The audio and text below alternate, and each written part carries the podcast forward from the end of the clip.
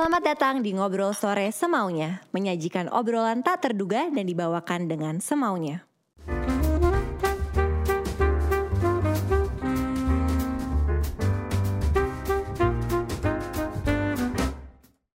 Selamat datang kembali di Ngobrol Sore Semaunya bersama gue Putri Tanjung. Di episode kali ini super spesial teman-teman karena gue akan ngobrol bareng komponis legendaris Indonesia, penulis lagu dan juga produser rekaman. Langsung saja kita undang. Hai Om Erwin. Halo Putri. Om, Oh, manggilnya Om ya? Oh Iya ya, oke. dong, Ah, iya cocok, dong, cocok. kan? Aku tuh seneng banget karena Om tuh punya good vibe deh Om. Halo. Om tuh masuk semua langsung kayak Oh, gitu. ketawa-ketawa. Hai Om, apa kabar? Baik, baik. Alhamdulillah. Alhamdulillah baik. Baik, baik aja. Om Gitu. sekarang kita udah bentar lagi 2022 loh Om. Nah, lo. Nggak kerasa iya, banget ya? Iya. Gim- PPKM ya, pandemi udah mau Iya. udah mau dua tahun. Iya. Gimana Om 2021-nya?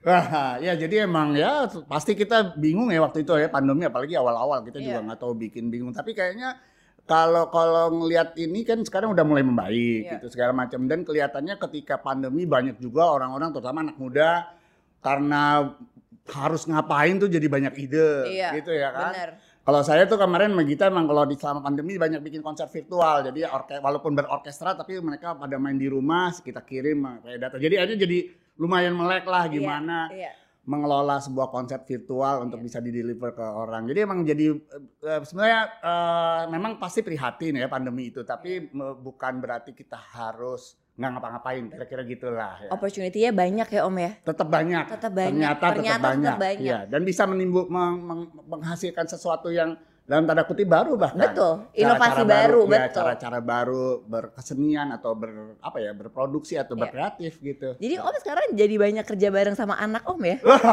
Iya, Iya Gita. sama Gita ya? Iya, itu ya mungkin pandemi yang membuat kita kan kan kita saya tuh emang keluarga saya tuh apa ya lumayan takut gitu.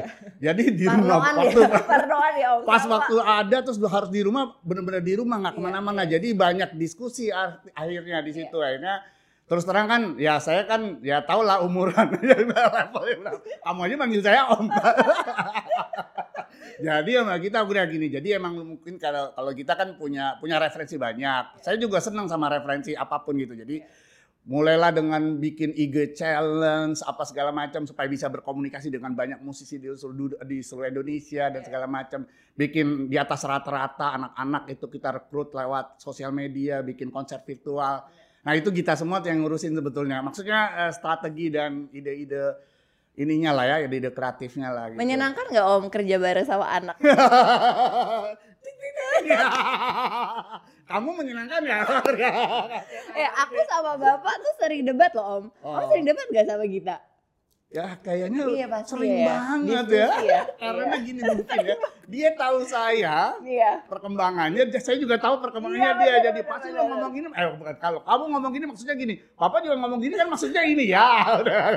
Tapi menyenangkan. pasti ya, ya pasti menyenangkan. Iya. Hasilnya sebenarnya menyenangkan. Kenapa? Karena mungkin kita kan boleh dibilang walaupun kita lahir, lahir di tahun 90-an, saya beda era, tapi kan kita boleh dibilang saya juga yang pernah ngasih cekok-cekokan mana yang apa ya mana yang menurut kita keren akhirnya sependapat apa segala macam apalagi kita dulu aktif juga di musik. Jadi banyak peristiwa atau banyak experience yang berdua yang kita lakukan walaupun dengan kacamata berbeda, Berbeda. tapi ketika ini ya eh, biasanya seru karena saya membutuhkan juga energinya kan. Nah mungkin kalau dia membutuhkan saya eh, sebagai pengalaman karena saya pernah melakukan ini ini ini itu gitu. Jadi ya debatnya udah pasti sering Sama dong. Iya, sama iya, kayak aku sama bapak. Tapi Om karena emang eh, menurut aku kolaborasi antar dua generasi atau generasi yang berbeda itu emang very magical sih Om. Gitu Iya ya. nggak sih? Karena Iya, iya. beda beda cara pandang tapi Betul. saling melengkapi. Betul. Nah, Om kan juga baru-baru ini berkolaborasi dengan Yura Yunita. Oh iya, Tak kuduga. aku duga. Aku suka banget dari lagunya Om. Oh, thank you. Terus video klipnya juga lucu banget. Iya, iya, Tapi iya, sebelum kita ngobrolin itu, nanti aku Iya. mau ngobrol lebih lanjut lagi soal Iya, itu. iya. Aku mau nanya-nanya dulu nih Om. Hmm. Kan ternyata waktu Loh. Om awal memulai, Om adalah seorang aktor cilik. Nah, lo. Aku tahu. kan ngobrol sore semuanya harus Oh, oke, oke, research oke, dong oke. Om. Ya, harus Om, tapi apa sih yang memutuskan untuk beralih dari dunia acting lalu menjadi musikus Om? Enggak, kalau saya tuh beralih ya kata beralih. Enggak, enggak ada Nggak kata beralih. beralih. Gini Oke. maksud saya gini. Jadi dulu eh, saya ngejalanin yang namanya kesenian Oke. itu hobi banget emang dari kecil. Jadi kalau kalau ngikut eh, kalau saya mau cerita kecil dari kecil tuh saya memang seneng nyanyi, pernah jadi juara nyanyi. Wih. Cuman nggak kepikiran memang jadi penyanyi gitu ya. Oke. Eh, dari pas jadi seneng nyanyi, seneng musik, saya udah ngeband di di SD bahkan, udah main band sama teman-teman gitu. Jadi musik tuh jadi hobi ya, nggak pernah berpikiran itu menjadi satu profesi. Jadi ketika nyanyi juara nyanyi pernah main operet anak-anak, tato diajak main film. Jadi jadi flow-nya gitu, ya, iya berkembang. iya. Main film udah puber suaranya nggak bisa kan kalau cowok kan gitu. Ya udah berhenti. Jadi nggak ada nggak ada nggak ada beban apa apa berhenti akhirnya lebih main musik lebih dikembangin. Jadi jadi sebetulnya saya nggak beralih karena saya merasa nggak pernah jadi pro, memprofesikan. Waktu itu saya ngejalanin karena saya suka aja gitu. Jadi nah tapi itu semua ada hubungannya dengan musik menurut saya gitu. Iya. kenapa? Gara-gara saya main musik. Jadi emang kelihatannya akhirnya jadi eh, musik yang jadi jalur utamanya ya kira-kira karena saya jal- menjalaninya dari kecil Om berarti tertarik dari eh, dari kecil kan sama dunia seni. Hmm. Ada pengaruh dari orang tua kah Om atau emang kayak mengeksplor sendiri? Jadi hmm, sebetulnya ayah saya eh, udah almarhum dari saya kecil. Ibu saya juga bukan seniman. Jadi sebenarnya nyari sendiri. Tapi eh, alhamdulillah waktu kecil eh, tiba-tiba tuh waktu saya ingat saya mungkin kelas 3 atau kelas 4 SD ya, ada piano di rumah Oke, saya. Oke. Itu bahan eksplor- apa eksplorasi saya. Oke. Karena saya belum sempat les, belum ya saya main. Seingat saya saya ikut main-main, tapi habis itu saya dilesin. Nah model les piano yang cuma sebentar, akhirnya bisa baca not dialog, sok tahu akhirnya. Akhirnya mau band lah ketemu sama temen eh, sesama yang seneng musik. Teman saya dulu Sandi Luntungan, drummer sekarang gitu ya segala macam. Jadi aktif di vokal grup, di di SMA bikin band, ikut festival ya semuanya lah Udah- kita lakuin yang namanya juga Om. ya anak band. Iya, iya. gitu. gitu. Oh. Jadi eh, yang inspirasi di sehari-hari di rumah sebenarnya nggak ada, tapi mungkin memang eh, ya itu eh, untungnya saya dibolah dibolahin aja saya ngapa-ngapain. Jadi waktu itu saya bisa mengeksplor apa ya semua yang ada hubungannya dengan musik saya jalanin jadi anak band jadi ikut vokal grup se- se- segala macam Kalau aku kebalikannya Om, aku dilesin piano tapi gak pernah bisa. jadi emang gak punya. bangga lah kamu masa sih gitu Gak punya jiwanya Om. Om juga dulu katanya pernah ngeband jadi basis Om. ya Om tapi apa yang apa yang paling berbeda saat ngeband waktu itu jadi basis ya, sama jadi memimpin orkestra Om? Waduh, gini ya. Tentu kalau gini, kalau saya bilang sih kalau dalam konteks musiknya itu sebetulnya esensinya sama. Oke. Kalau kita menarik. mau ngeband, mau orkestra atau main gamelan atau apa itu sebetulnya kalau ada lebih dari eh, satu orang musisi itu sebenarnya musisi itu wajib bersinergi untuk menghasilkan sesuatu Yes. yang keren, Yes. ya kan? Main Iya. band juga gitu. Iya. Eh, saya jadi basis tuh harus kompak sama drummer, Iya. sama pen keyboard. Kalau nggak kacau kan Betul. gitu.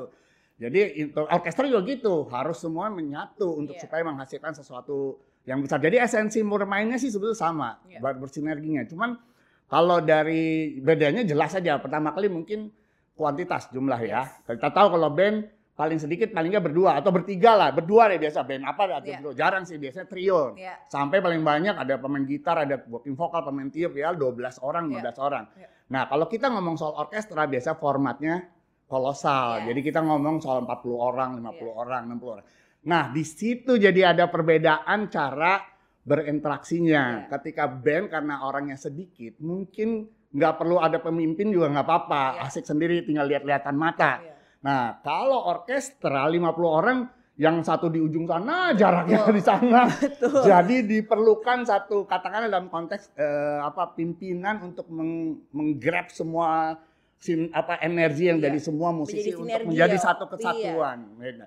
Jadi sinergi. Kalau orangnya dikit mungkin bertrio aja cuma lihat-lihat sinerginya udah dapat. Tapi kalau orangnya udah 50 apa- bahkan ada yang 100 orang. Saya per- pernah main dengan 120 Wow. musisi. Itu paling besar ya Nggak Om ya? mungkin kalau nggak ada yang mimpin Benar, bisa ke mana-mana. Di orkestra itu kan alat musiknya banyak, Benar, divisinya banyak. Jadi sebetulnya di situ perbedaannya. Tapi rasa bermusiknya sama untuk menghasilkan sesuatu yang hebat. Nah, memang kalau secara bunyi orkestra juga punya bukan punya kelebihan ya, punya ciri khas karena bisa meng, apa, menghasilkan satu keagungan atau kemegahan. Ya.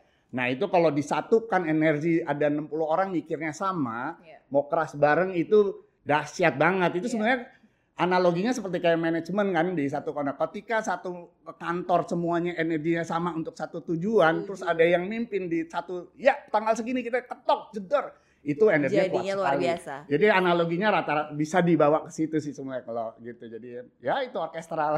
Menyenangkan ya Om. Om, Sen iya. kan Om udah udah 30 tahun berkarya ya Om. Di Lama juga. Lama ya? Enggak lah, lama juga, tua juga. pasti kan Om pasti kan banyak banget proses yang Om lalui. Iya. Karena kan pasti semuanya berproses kan Om. Pasti. Nggak ada ya. yang instan lah gitu. Mm, mm, mm. Value apa sih Om yang Om Value. dapatkan dari proses berkarya selama ini dan gimana caranya biar Om terus konsisten dalam berkarya? Karena ada anak-anak muda tuh Om Nah, sekarang ya. iya. Katanya anak-anak muda tuh suka banget lompat-lompat kan Om. Kesusahannya Iya. adalah konsistensi. gitu ya. Iya, nah menurut Om Erwin gimana sih caranya? Value dulu ya, Iya. value, value. Jadi gini, kalau kalau ya saya karena karena saya menekuni 30 tahun yang orang Ah, musik yes. itu, jadi saya ngomong musik Iya. ya. Jadi ketika saya ngejalanin mungkin dari waktu saya kecil ngejalanin mungkin saya nggak terlalu mikirin, tapi ketika kita ngelihat sekarang saya dalam kacamata view saya sebagai senior gitu kali ya. Oh berarti tapi gini dengan pengalaman itu jadi saya merasa gini pertama kali musik itu selalu membahagiakan Hmm. Pertama kali yang bikin bahagia apa yang bikin Iya. Gak pernah ada musisi yang gak bahagia sama sama karyanya. Karyanya, Waktu bikin, Oke. at least lagi sedih aja dia sebenarnya bahagia karena dia lagi mencurahkan karyanya. Iya, ada karyanya. Jadi itu ada sesuatu yang diekspresikan. Habis itu yang menikmati juga pasti memba- membahagiakan atau punya pengaruh lah. Iya. Jadi jadi musik tuh impactnya semuanya gede menurut saya itu value-nya. Oke. Nah, ketika impactnya gede sebetulnya apa yang dihasilkan para musisi atau eh, segala macam terus itu diterima dengan masyarakat luas itu sebetulnya lagi itulah eh, situasi saat itu masyarakat itu. Oke. Kayak kayak kita sekarang sekarang katakanlah ada anak muda sekarang seneng musik teknologi tapi digam- dicampur sama sama apa budaya Indonesia, Iya. Aviref tuh, Yes. eh, World Genius Iya. itu kan berarti situasi anak muda lagi kayak gitu sebetulnya karena disukai banyak orang. Betul. Jadi menurut saya tuh musik tuh bisa merepresentasikan apa yang lagi akan di, Ya. lagi di bergejolak atau di itu Disukai apa di, ya. disukai. Ya. Tentunya kalau kayak kita lagi kayak apa apa, apa kalau pandemi lagi sedih nggak mungkin kita ngeluarin lagu yang suka-suka karena orang lagi sedih. Kita Betul. harus atau malah harus kasih lagu Semangat. semangat. Jadi musik tuh impactnya gede. Menurut saya Setuju. itu value-nya. Kedua, musik biar gimana tuh adalah itu hasil dari seni budaya ya seni budaya artinya musik kan salah satu cabang senian Se- kesenian itu ada seni rupa ada seni lukis dan Iya. seni lain-lainnya bercampur di seni musik seni itu kan anaknya budaya jadi ketika kon- konteksnya besar jadi kalau kalau seninya atau apa ya budaya seni budayanya maju sebetulnya itu akan memberi pengaruh kepada negaranya atau bangsanya akan maju. Jadi you name it semua negara maju atau bangsa yang maju pasti seni budayanya kuat. Pasti kuat entah apa aja. Jadi jadi sebetulnya eh, eh, value-nya sebetulnya situ. Jadi saya seneng banget gitu berkecimpung di dunia musik untuk bisa menyumbangkan hal-hal yang mungkin saya seneng. Pertama kali gitu kan saya suka ngelakuin ya. Tapi mungkin mudah-mudahan bisa membuat impact Iya. nah kalau impactnya tuh menyangkut soal standar manusia dan segala macam kan itu bisa membawa sebuah Betul. hal yang positif ke bangsa dan negara sih Luar biasa. Jadi itu value yang selalu dipegang ya Betul, Om. Jadi saat ya. berkarya itu jadi sangat yang penting ya Om ya buat Om. ya pelatihan selanjutnya adalah gimana saya bertahannya iya. Gimana Iya. ko- biar konsisten tuh gimana Jadi Om? menurut saya sih pertama kali kita biar gimana pun kalau kita ngomong tadi soal impact, soal Iya. ide, kreativitas, terus eh, standar, apa sih? Jadi yang harus kita pertanyakan apa? Pasti kualitas. Iya. Pertama Ah, kali. Menarik. Jadi kalau kualitas itu jadi panglimanya, nanti itu idenya bahasa ada tren, ada kolaborasi, ada apa aja menyangkut supaya ini lebih mass itu Ya. bagian dari bagian dari strategi ini. Tapi kualitasnya yang harus dijaga itu yang membuat kita satu direspek, terus kita jadi punya ide baru, Iya. kita segala macam. Jadi saya rasa jaga kualitas itu penting. Penting, nah ya. untuk jaga kualitas ya pelajarilah ilmunya Betul. gitu.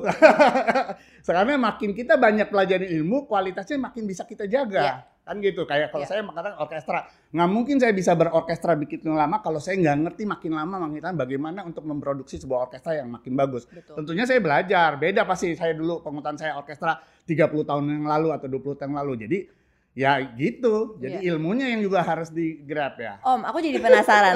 aku jadi penasaran. Aku kan bukan musikus ya Om. Jadi aku mau Ya, bertanya. Enggak kamu. Enggak, kamu- oh, enggak, oh, ya gitu. Tadi les piano Iya, katanya. tadi gagal. Om, Om Erwin. Tapi aku tahu penasaran Om. Iya. Seberapa penting sih untuk seorang musisi atau musikus ya Om Hmm. untuk beradaptasi dengan zaman dan selera pasar, tapi seberapa penting juga harus terus original. Jadi gimana cara ngebalance between originality Hmm. sama adaptiveness? Iya, iya. Itu emang itu kan salah satu kita kalau kita berkarya supaya kita eksis kan salah satunya harus bisa beradaptasi. Iya. Tapi gini, ya menurut saya eh, referensi itu jadi penting. Oke. Nah, kita dapetin referensi jadi jadi penting juga. Mainlah sama yang banyak bisa memberi. inspirasi apa Betul. referensi. Betul. Eh, jadi gini, ada istilah di kalangan saya tuh. Iya. Kalau seniman yang bisa bertahan, istilahnya jangan mati tahun. Tahu nggak mati tahun?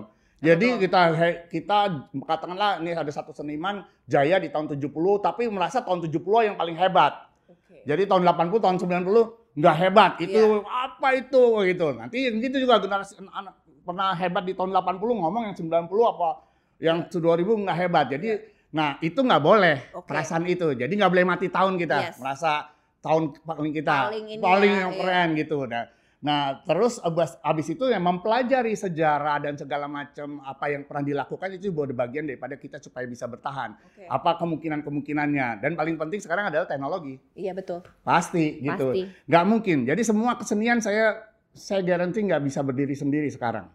Iya. Dulu bikin musik ya udah bisa lah, tapi sekarang ketika ngeluarin musik harus ada video klipnya. Betul. Gitu. Orang orang seni lain pun ngapa-ngapain jadi perlu musik juga. Betul. Dulu mungkin bisa pameran tanpa tanpa ada musik. Sekarang exhibition openingnya harus ada musik untuk untuk mengantar pemikiran-pemikiran si Betul. pelukisnya. Betul. Jadi eh, apalagi film Iya. nggak mungkin sekarang nggak ada soundtracknya kan nggak mungkin. Jadi jadi jadi eh, teknologi terus kesadaran untuk berkolaborasi dan segala macam itu Setuju. bagian dari apa ya apa apa cara kita tanpa mengurangi yang kamu bilang tadi kan Originalitas itu ya. originalitas tetap karena original kan kita kita apalagi kita bangsa Indonesia sebenarnya punya originalitas yang Betul. tertentu yang keren banget sebetulnya Jadi Gitu. harus dua-duanya penting ya Om. penting penting. Nah, Om sebagai komposer kan Om Erwin udah memimpin konser-konser besar dari tahun 1993.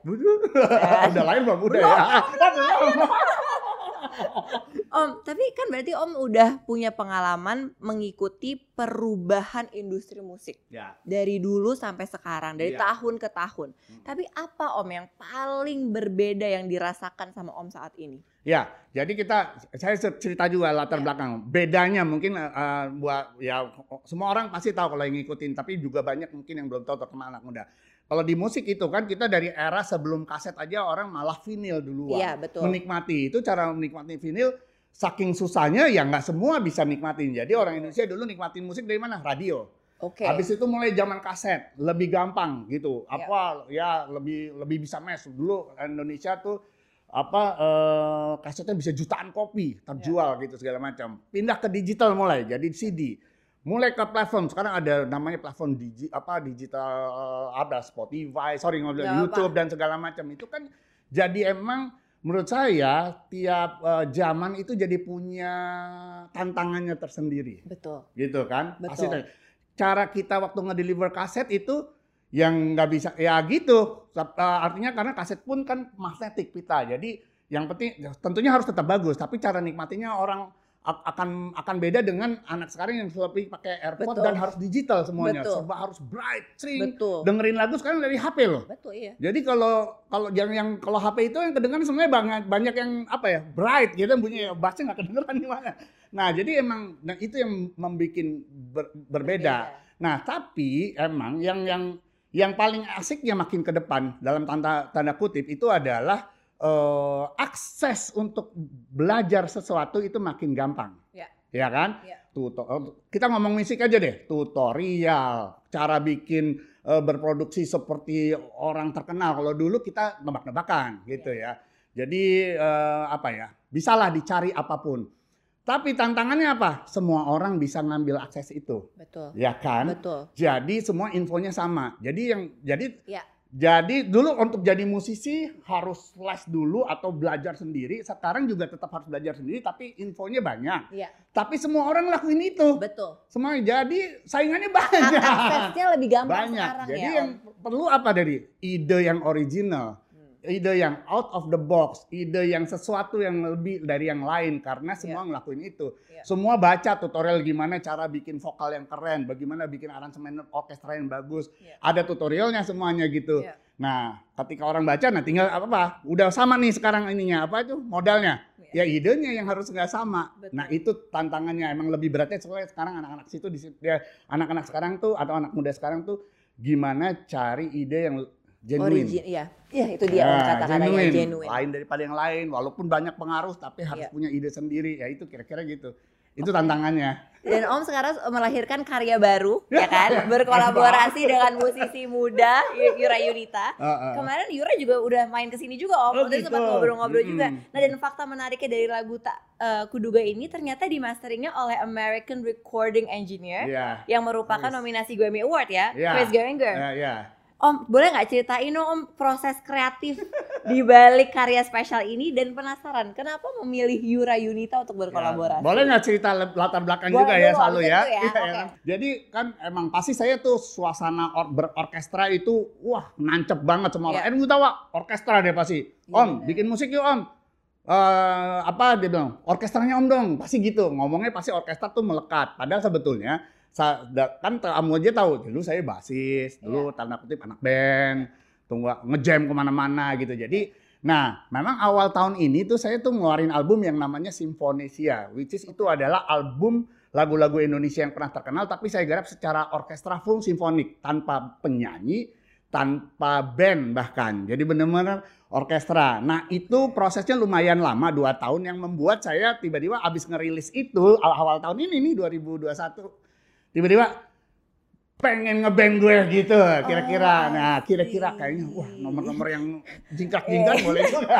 Atau ada yang bass baseline lah apa gimana segala macam. Nah, ngobrol sama Gita ya kita lagi-lagi jadi teman debat dan teman ini keluarin aja pak gitu eh, apa eh, karya papa yang dulu tapi di di ra- aransemen balik ya. ya jadi nah, duga itu kan dulu ter, eh, di apa dipopulerkan oleh Rusana ya kebetulan Iya. emang saya yang bikin musik yang zaman dulu juga saya yang bikin Oh. itu keluarnya tahun 1989 nanti jadi ngomong tahun mulu.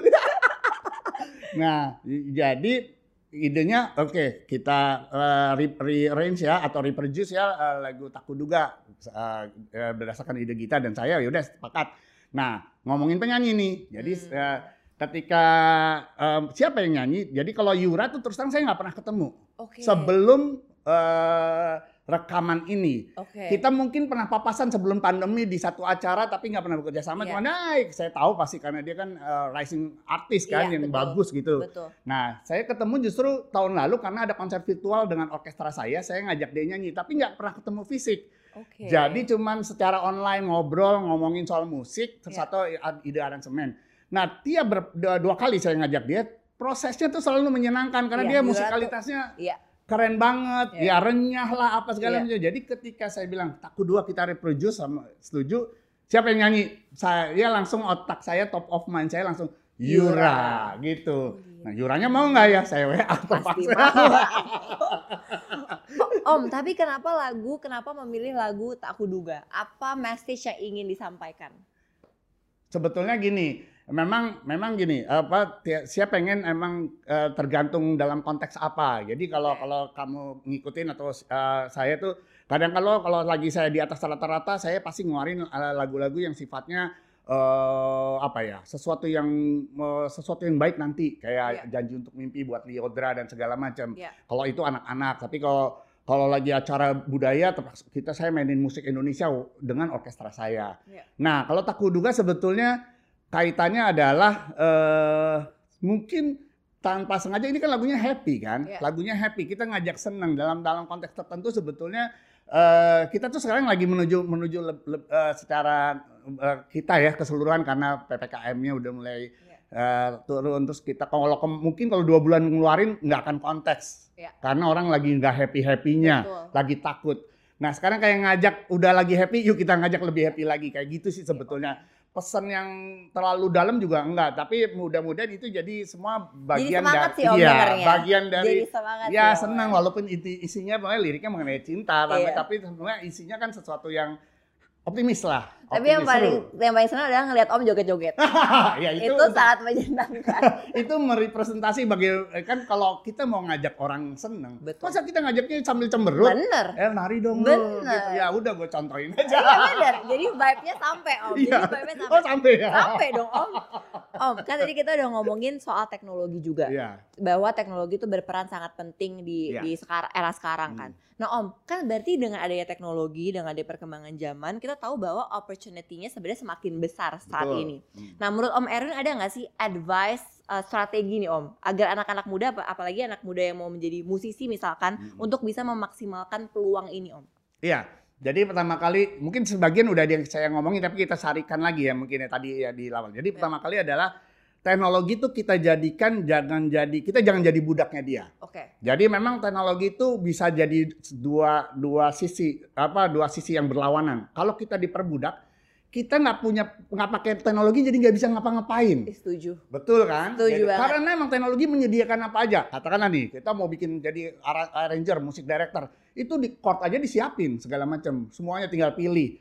Nah, jadi pertama kali menurut saya teknologi kita jadikanlah dia budak kita supaya ide kita jadi liar Iya. dan bukan liar sih. Ya, se- semaksimal Semaksimal mungkin, mungkin, iya. gitu. Jadi nah, berarti apa? Nggak boleh nggak boleh buta sama teknologi. Betul. Tapi jangan teknologi kita lihat eh sebagai semuanya betul. gitu. Jadi eh, kalau kamu ingat saya pernah bikin lagu Krisya Ya. dengan suara almarhum Krisya saya potong-potong jadi sebuah lagu baru. Ya. Ka- kalau lagu itu saya ciptakan 20 tahun lalu nggak bisa karena teknologinya belum nyampe. Iya. Waktu itu saya bikin di 2011 saya bikin almar lagu almarhum A satu apa setiap suku kata ini jadi sebuah lagu bara baru. Menurut saya itu contoh eh, contoh ibaratnya contoh supaya kita nggak dijajah karena ide itu jadi bisa banyak gara-gara kita dalam tanda kutip melek lah melek ya bu Ya. gitu melek teknologi gitu. Aku jadi ingat kata bapakku, Ah. Om. Bapakku tuh tuh ngomongin soal teknologi, tapi ini dari versi bisnis ya, Om. Iya iya. iya. Katanya gini, teknologi itu bukan tujuan, tapi teknologi itu adalah toolsnya. Ya. Betul. Untuk kita bisa mencapai tujuan tadi, Setuju. seperti tadi ya Om, Iya. untuk bisa menghasilkan karya yang Betul. maksimal. Iya. Oke, jadi Iya. advice itu ya Om ya. Ya, jadi teknologi kita bikin justru supaya karya kita jadi Betul. maksimal, ide kita bisa banyak banget gitu. Bukan Karena kemu- kebalikannya. Bukan kebaikan, karena kemungkinan-kemungkinan itu bisa disediakan sama teknologi mau ngapain aja Iya. gitu di dunia musik. Om ngomongin soal ke depannya nih Om. Ke depannya apa apa apa, ke depannya? goals apa goals yang ingin Om capai Om? Atau ada nggak akan ada karya-karya kolaborasi lain misalkan di em, sebentar lagi apa Ya, nih Om oh. goalnya? Jadi gini, kalau konteks sekarang kan namanya saya musisi ya. Jadi kalau kalau ngaku musisi harus bikin musik. Betul. harus bermusik kalau nggak ya, apa, kalau ngaku musisi cuman nggak pernah ngapa-ngapain jadi bukan musisi. Nah tentunya kalau secara personal ya memang saya saya punya lah proyek jadi dari Takuduga sebetulnya ada proyek lanjutan-lanjutan yang membuat saya Oke. akan bekerja sama sama anak-anak muda yang Ih, seru keren. banget Om. Iya yang keren-keren Oke. gitu kira-kira gitu jadi akan jadi kerjasama saya sama anak muda tuh pengennya ada kelanjutannya untuk di- dirangkum dalam sebuah konteksnya kalau ini karya album ya Iya. di tahun depan gitu dan saya nanti akan berturutan nih Iya, anak-anak keren. muda yang menurut saya keren-keren untuk bisa bekerja sama. Tapi kalau dalam konteks musik keseluruhan saya sih masih memang saya pengen itu tadi musik itu harus bisa jadi atau seni budaya itu bisa jadi tools untuk kita bangsa kita saya maju. Makanya saya kalau kamu ikutin saya tuh punya proyek kayak di atas rata-rata Iya. ngurusin anak-anak supaya maju. Ayo Iya. kita kasih kesempatan Iya. bikin orkestra anak-anak dari seluruh Indonesia untuk turun main. Jadi saya Betul karena saya merasa musik itu bisa jadi tools untuk kita jadi hebat, jadi bangsa yang hebat gitu. Setuju. Gitu. Setuju Om. Oke Om, Siap. last question. Oh udah udah. Last question. Udah. Ini aku selalu tanya ke semua narasumber yang keundang Om. Hmm. kan em, acara ini atau YouTube kita ini yang kita lagi ngomong ini kan akan ngobrol sore semuanya akan forever ada di YouTube Om. Hmm. Lima tahun lagi, misalkan Om Erwin nonton lagi nih acara kita ngobrol sore semaunya. Hmm. Apa yang Om Erwin sekarang ingin sampaikan ke Om Erwin lima tahun ke depan? Ceritanya Om Erwin lima tahun ke depan lagi nonton nih Om. Lagi nonton. Apa yang Om ingin sampaikan ke Om Erwin lima Oke. tahun ke depan? Jadi Win, lo udah Win. Kayak gitu kan. Iya. Win, lo udah tambah lima tahun. Jangan ngapa-ngapain, tetap berkarya.